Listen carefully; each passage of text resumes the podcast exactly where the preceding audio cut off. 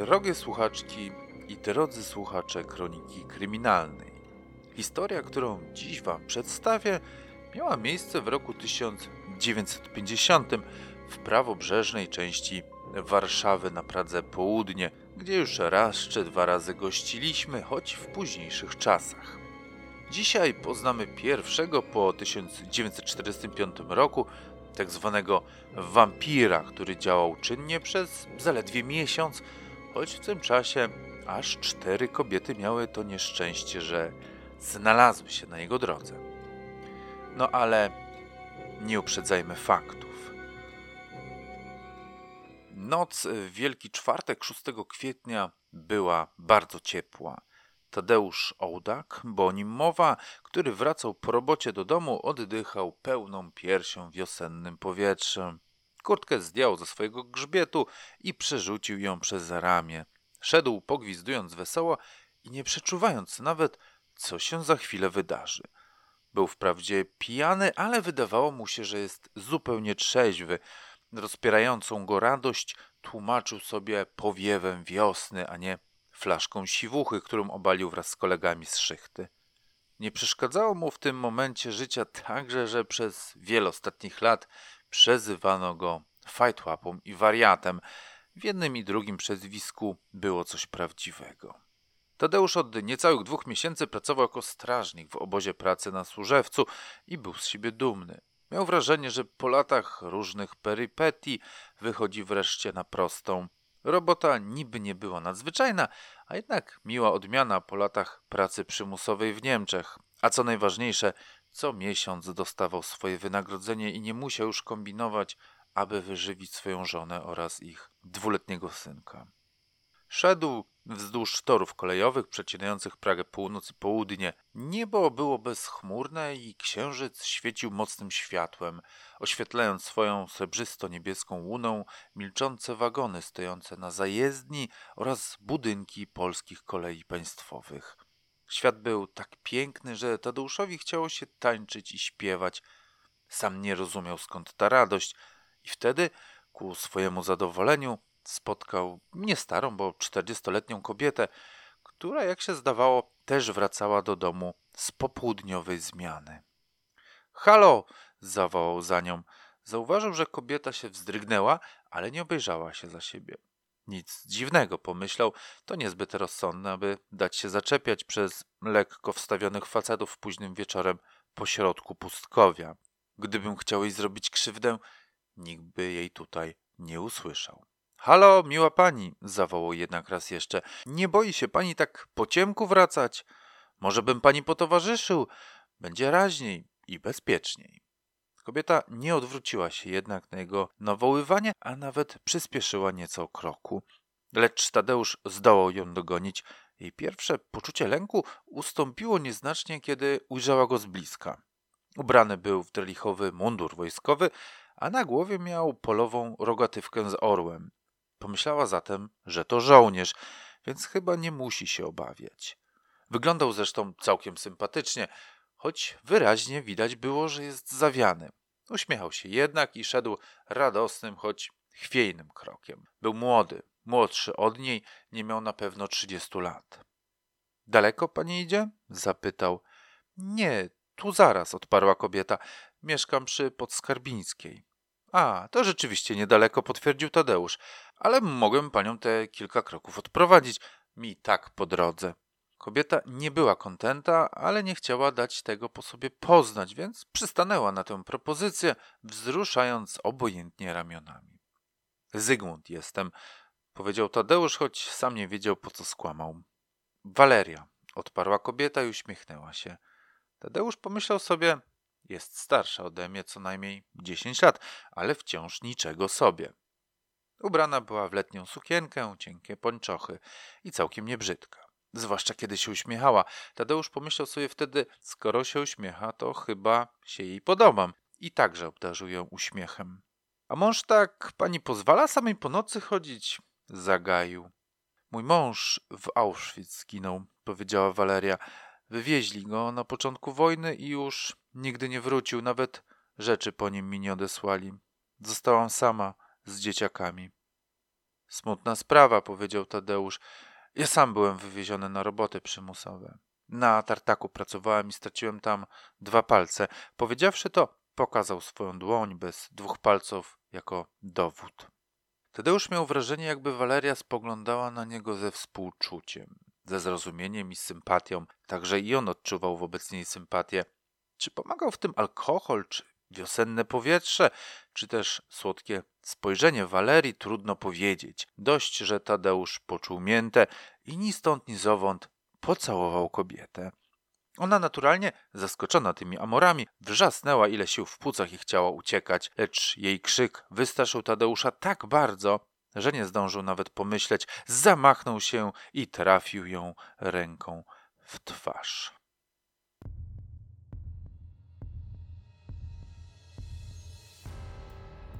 Ta historia wydarzyła się naprawdę.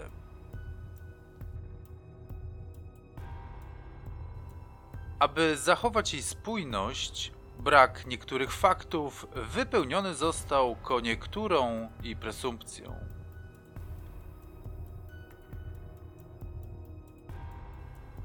Nazywam się Tomasz Szczepański, a to jest Kronika Kryminalna.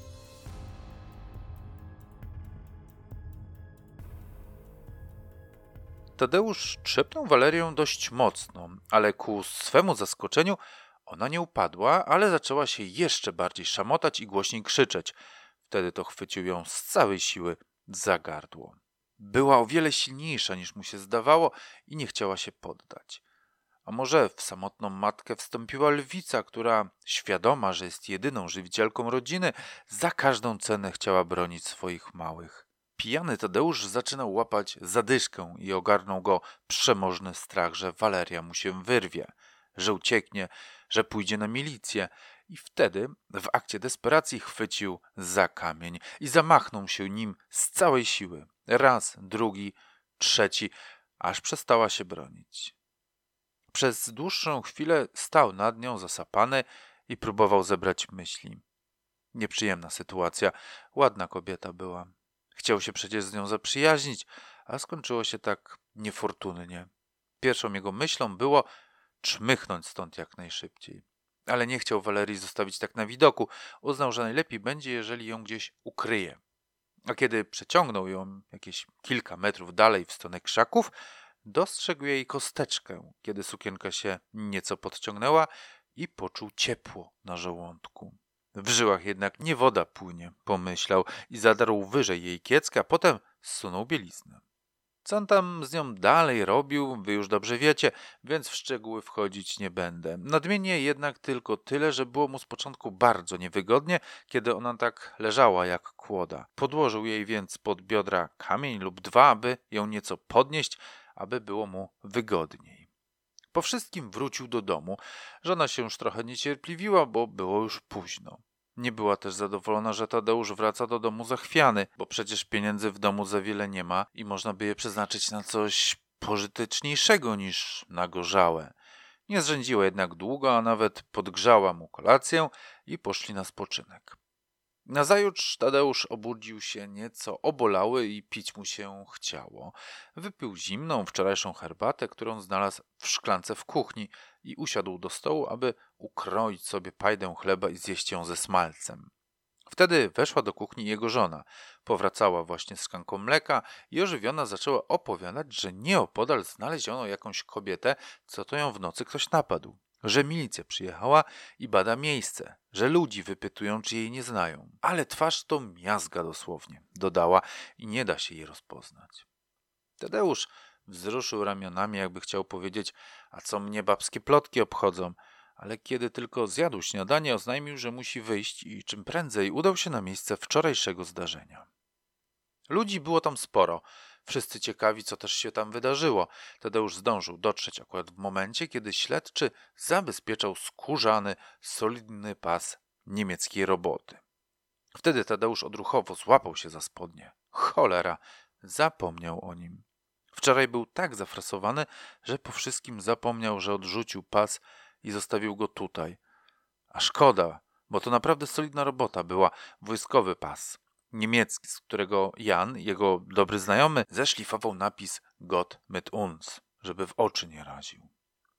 Ale pas to nie był koniec zmartwień Tadeusza, bo chwilę później zobaczył młodego milicjanta z psem tropiącym. Poczuł, że serce mu mocniej bije i chciał się wycofać, ale ludzie naciskali na niego z każdej strony. Owczarek niemiecki zakręcił się kilka razy obok miejsca, w którym doszło wczoraj do zbrodni, węsząc przy samej ziemi, aż najwyraźniej wyczuł trop i ruszył w kierunku, z którego wczoraj Tadeusz przyszedł. Wtedy Tadeusz poczuł krótkotrwałą ulgę, ale nagle pies się zatrzymał i podniósł łeb, jakby wywęszył coś w powietrzu. Zwrócił się wtedy w stronę tłumu gapiów, wśród których stał także Tadeusz, i zaczął ujadać. Koniec, pomyślał Tadeusz, mają mnie. Jednak młody policjant, trzymający psa, zamiast dać mu wpaść w grupkę zebranych i pochwycić Tadeusza, krzyknął głupi pies, a później zawołał kolegów, żeby przepędzili stąd gapiów. Pies wariuje, powiedział, zamiast węszyć za sprawcą, szczeka na ludzi. Dezorientują go. Tadeusz wraz z innymi zresztą grzecznie cofnęli się dalej, aby psa nie drażnić, ale on wtedy poczuł się naprawdę skonsternowany, bo przecież znalazł sprawcę, wskazywał go milicjantom, a ci zamiast tamtego zatrzymać, to go przegonili. Nie rozumiejąc więc, czego się od niego oczekuje, węszył dookoła, ale niczego nowego już nie znalazł. Tak oto Tadeusz umknął pierwszy raz sprawiedliwości.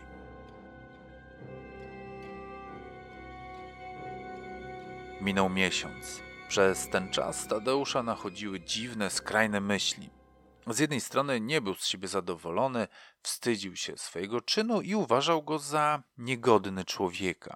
Z drugiej jednak, w przebłyskach świadomości miał wrażenie, że było to coś ekscytującego.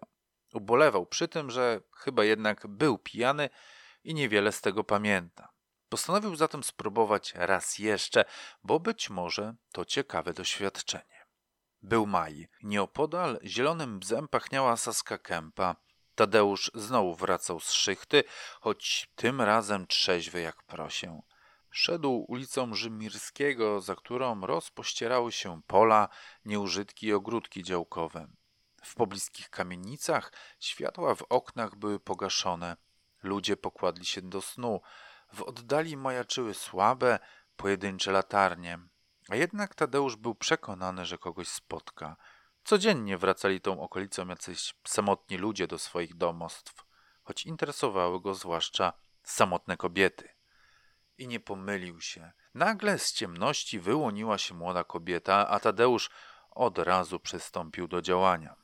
Do zbliżenia doszło nieopodal, na polu. I nie, żeby ona też tego chciała, lecz on był silniejszy, więc wiele do powiedzenia nie miała. Na imię było jej Irena i skończyła była 24 lata, a mieszkała o tam, za tymi drzewami, w tym budynku, co to czerniał na tle grantowego nieba. To ci tam przecież Kazik Szmaciak mieszka, prawda? zapytał lekko Tadeusz. Irena, choć odpowiadała na wszystkie pytania, nie miała na to ochoty. Odpowiadała z przymusu. Była zapłakana i obolała, miała starte kolano. Ale bała się tego żołnierza, bo podobnie jak Waleria wzięła go za żołnierza, jako że miał mundur i rogatywkę na głowie. Przedstawił się jako Zygmunt i dalej opowiadał jej o sobie, jakby byli na randce, a nie doszło do wiadomych nam bezeceństw. Po jakimś czasie kazał jej wstać i ona pomyślała, że to koniec, ale Tadeusz zabrał ją nad jezioro Gocławskie, które leżało kilkadziesiąt metrów od miejsca, gdzie doszło do pierwszego aktu. W tafli jeziora przeglądał się okrągły, srebrzysty księżyc. Woda była spokojna, nieopodal grały cykady i rechotały żaby. Poza tym panowała romantyczna cisza, która zdawała się bardzo odprężać Tadeusza. Po jakimś czasie gotowy był na kolejną porcję miłości i choć Irena stanowczo się temu sprzeciwiała, dostał czego chciał. Potem znowu siedzieli i patrzyli na spokojną taflę wody. Przypomina mi reflektor, powiedział Tadeusz, wskazując na księżyc. W robocie takie mamy. Opowiadał jej o swoim ojcu, który jest kaleką z jedną nogą. Wskazywał też na jakieś miejsce w ciemnościach, oznajmiając, że w 1939 były tam jeszcze baraki, w których on mieszkał, z tym, że kalekim ojcem oraz swoim bratem. O matce nic nie mówił. Wreszcie westnął i spojrzał w niebo. Musimy chyba kończyć, powiedział. Słońce powoli wschodzi, zaraz ludzie wstaną ze snu. Połóż się proszę na wznak i wsuń dłonie pod siebie. Irena wykonała posłusznie polecenie, myśląc, że Tadeuszowi znowu zbiera się na te jego specyficzne amory, ale ten wyciągnął z kieszeni sznur. Miło się z tobą gadało, powiedział, ale pewnie doniosłabyś na milicję, a ja na to nie mogę pozwolić. Irena jakby piorun strzelił i nagle zaczęła się tarmosić, próbując wyrwać się z kleszczy ostateczności. Ależ ty silna, dodał po chwili Tadeusz, nie mogąc sobie z nią poradzić. Poczekaj chwilę, wezmę kamienia. Lecz Irenie ani się śniło czekać, zwłaszcza na kamienia. Jak tylko poczuła lekkie zwolnienie uścisku, wyrwała się Tadeuszowi i wskoczyła do jeziora. Zanurkowała i w ciemnościach, jakie wciąż jeszcze panowały na niebie, przepłynęła do kępy sitowia, w której się schowała. Tadeusz chodził przy brzegu i nawoływał ją jakiś czas – nie mógł uwierzyć w to, co się wydarzyło, aż w pewnym momencie, kiedy niebo zrobiło się już szare i dało się dostrzec zarysy drzew, nad jeziorem zaczęli pojawiać się wędkarze. Tadeusz przeklął, ale stawało się zbyt niebezpiecznie. Chwycił płaszcz Ireny, zawinął w niego jej pantofle i ruszył w kierunku swojego domu. Ciuchy można sprzedać, myślał, ale w drodze napotkał dwie kobiety, które nagle zaczęły go nawoływać. Tadeusz się wówczas wystraszył, że ktoś go rozpozna, rzucił więc zawiniątko w krzaki i czmychnął.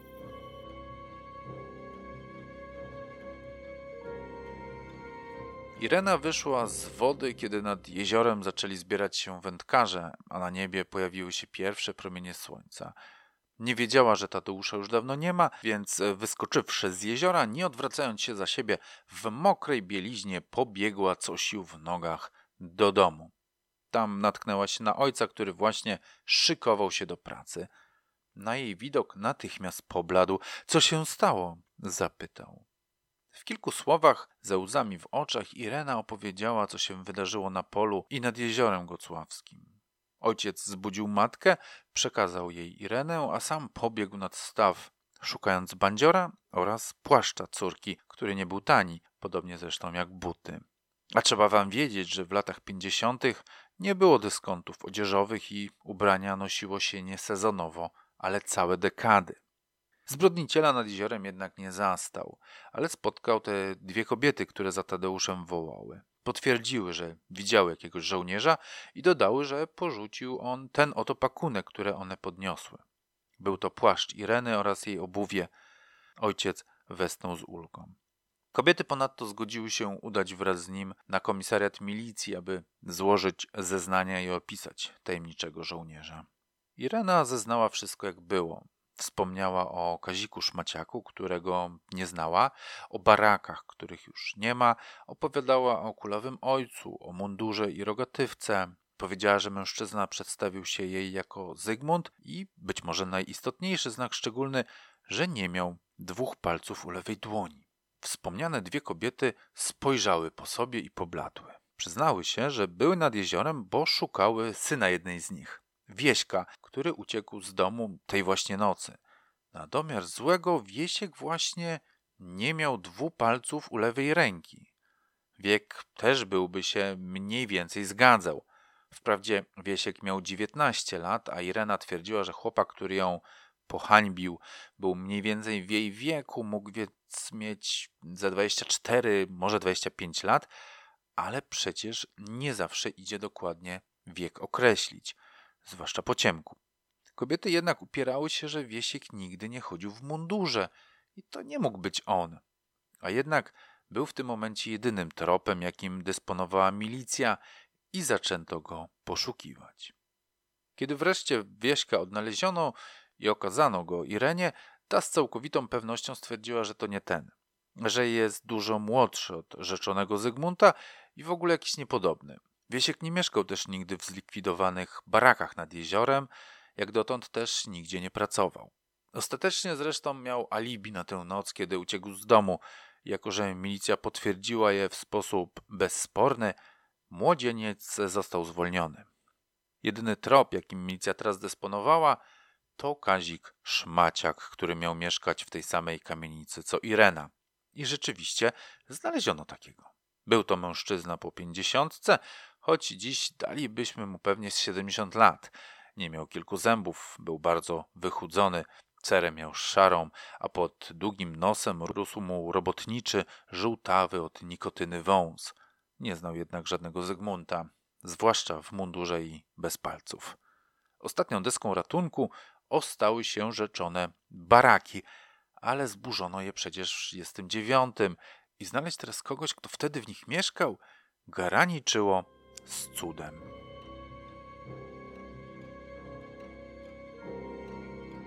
W tym samym czasie, kiedy milicja przesłuchiwała mieszkańców Grochowa i wędkarzy z nad jeziora Gocławskiego, Tadeusz zbudził się z całkiem miłego snu. Choć ku swemu zdziwieniu obudził się pobudzony. Dwa razy wczoraj doświadczył zaspokojenia, a jednak wciąż był roznamiętniony. Kto wie, czy nie bardziej niż wczoraj wieczór. W miarę jedzenia rośnie apetyt, pomyślał.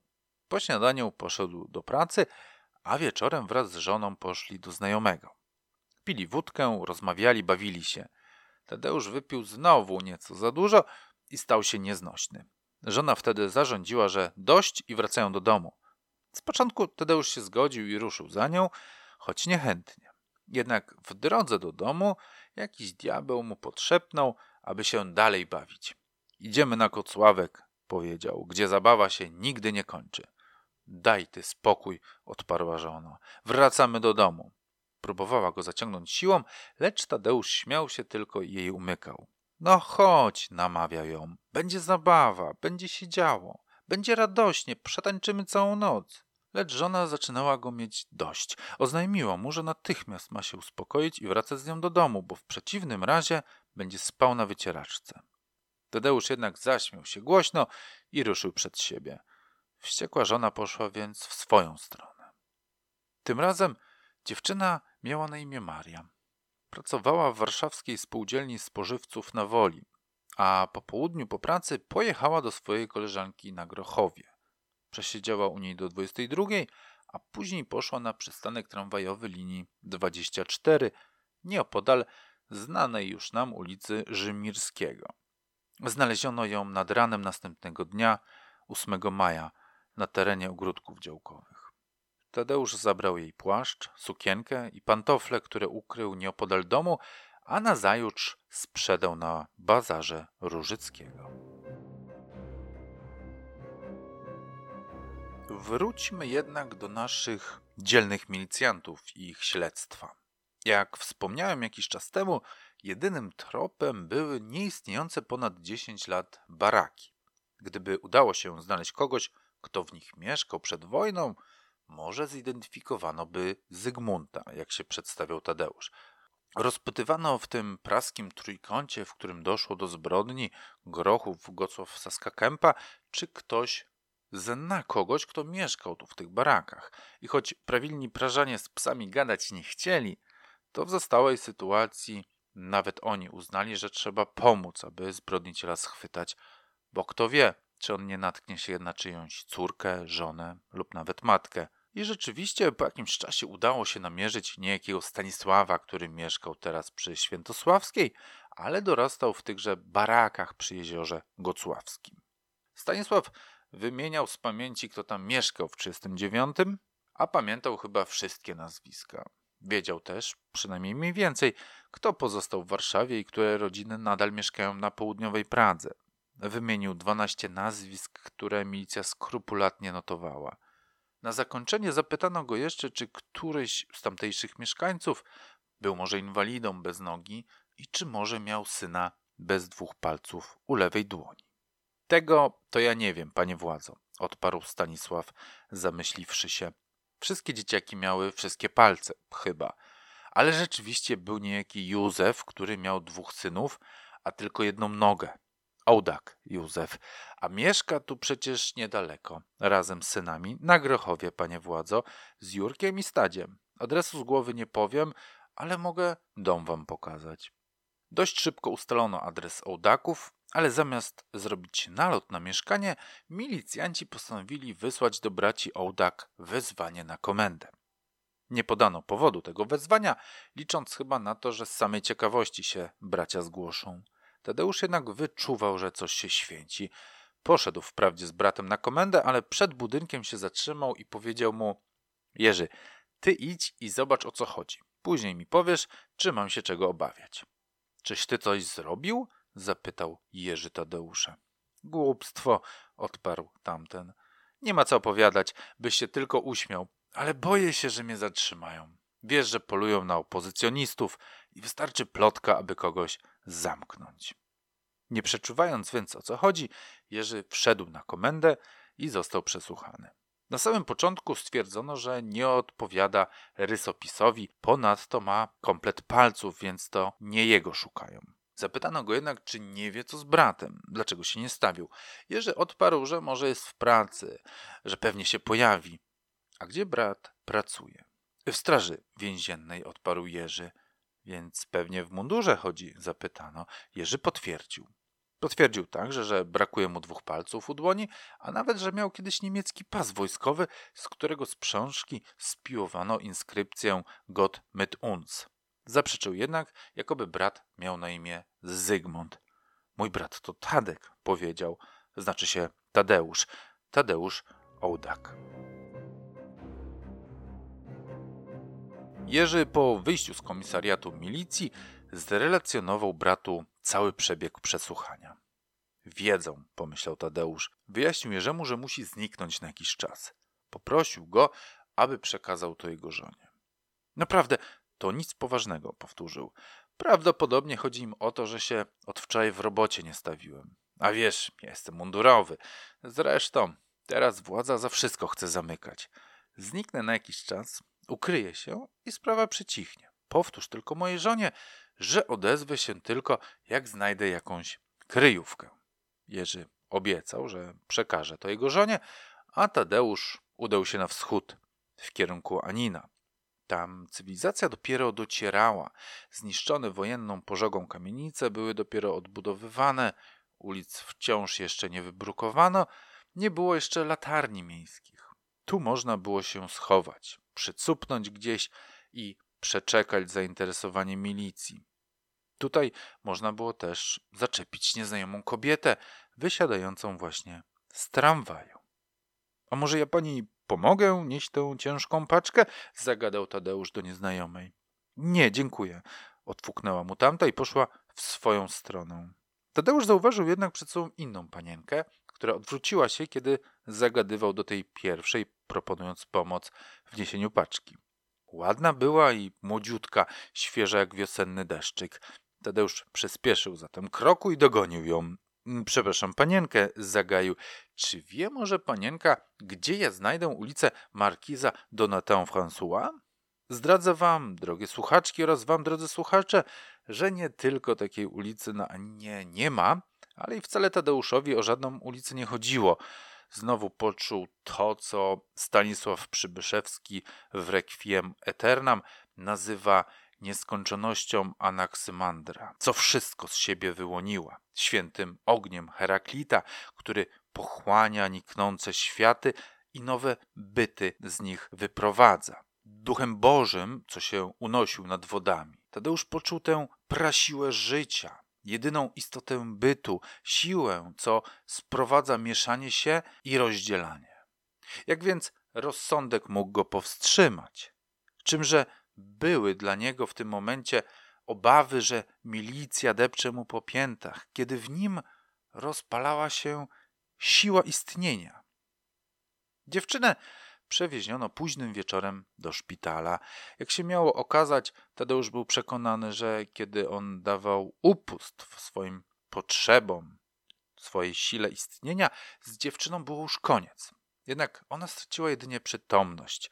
Kiedy się ocknęła, Tadeusza już nie było. Wraz z nim nie było też jej swetra, teczki z książkami, zegarka oraz, tradycyjnie już chyba, pantofli.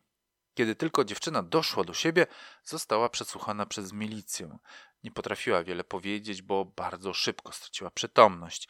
Była jednak pewna, że ucisk lewej dłoni był wyraźnie słabszy niż prawej. Możliwe więc, że napastnik nie miał dwóch palców. Micja była prawie pewna, że to był poszukiwany ołdak.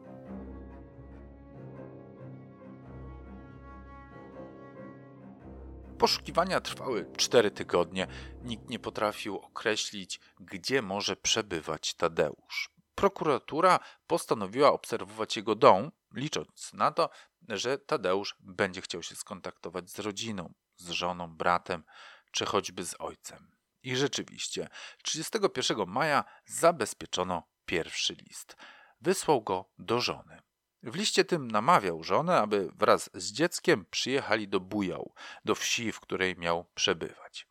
Micja wysłała tam swoich funkcjonariuszy, ale ani żona się tam nie pojawiła, ani nie ujawnił się sam Tadeusz.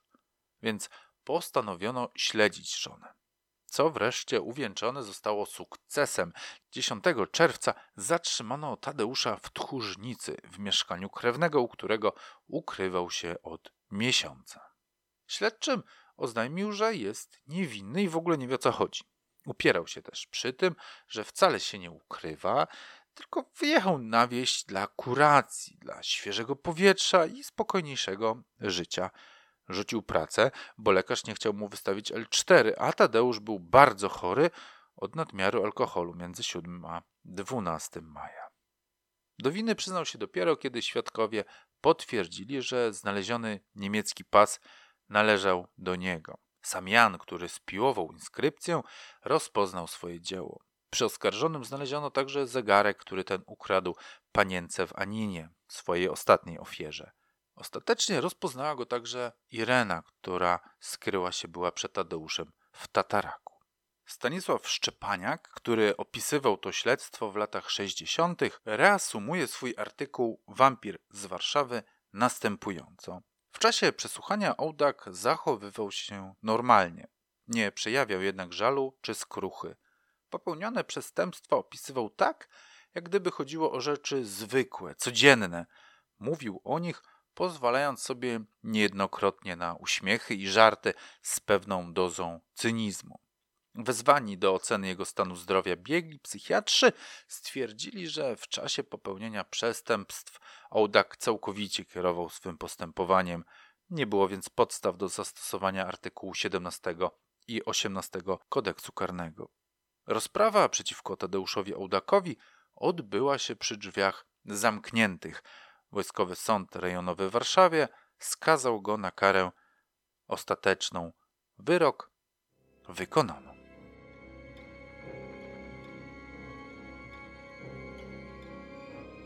To by było na tyle. Dziękuję Wam za wysłuchanie dzisiejszej historii i zachęcam oczywiście do subskrypcji, pozostawienia łapki w górę, jeśli słuchowisko się podobało, a także do skomentowania. Każda tego typu aktywność zwiększa zasięg nagrania, a jak wiadomo, im większa publika, tym przyjemniej się pracuje. Podobno na Spotify można też lajkować. Nie sprawdzałem tego jeszcze, a jeżeli ktoś z Was tam mnie właśnie słucha, to zalajkujcie także na Spotify. Życzę Wam wszystkiego dobrego i do usłyszenia.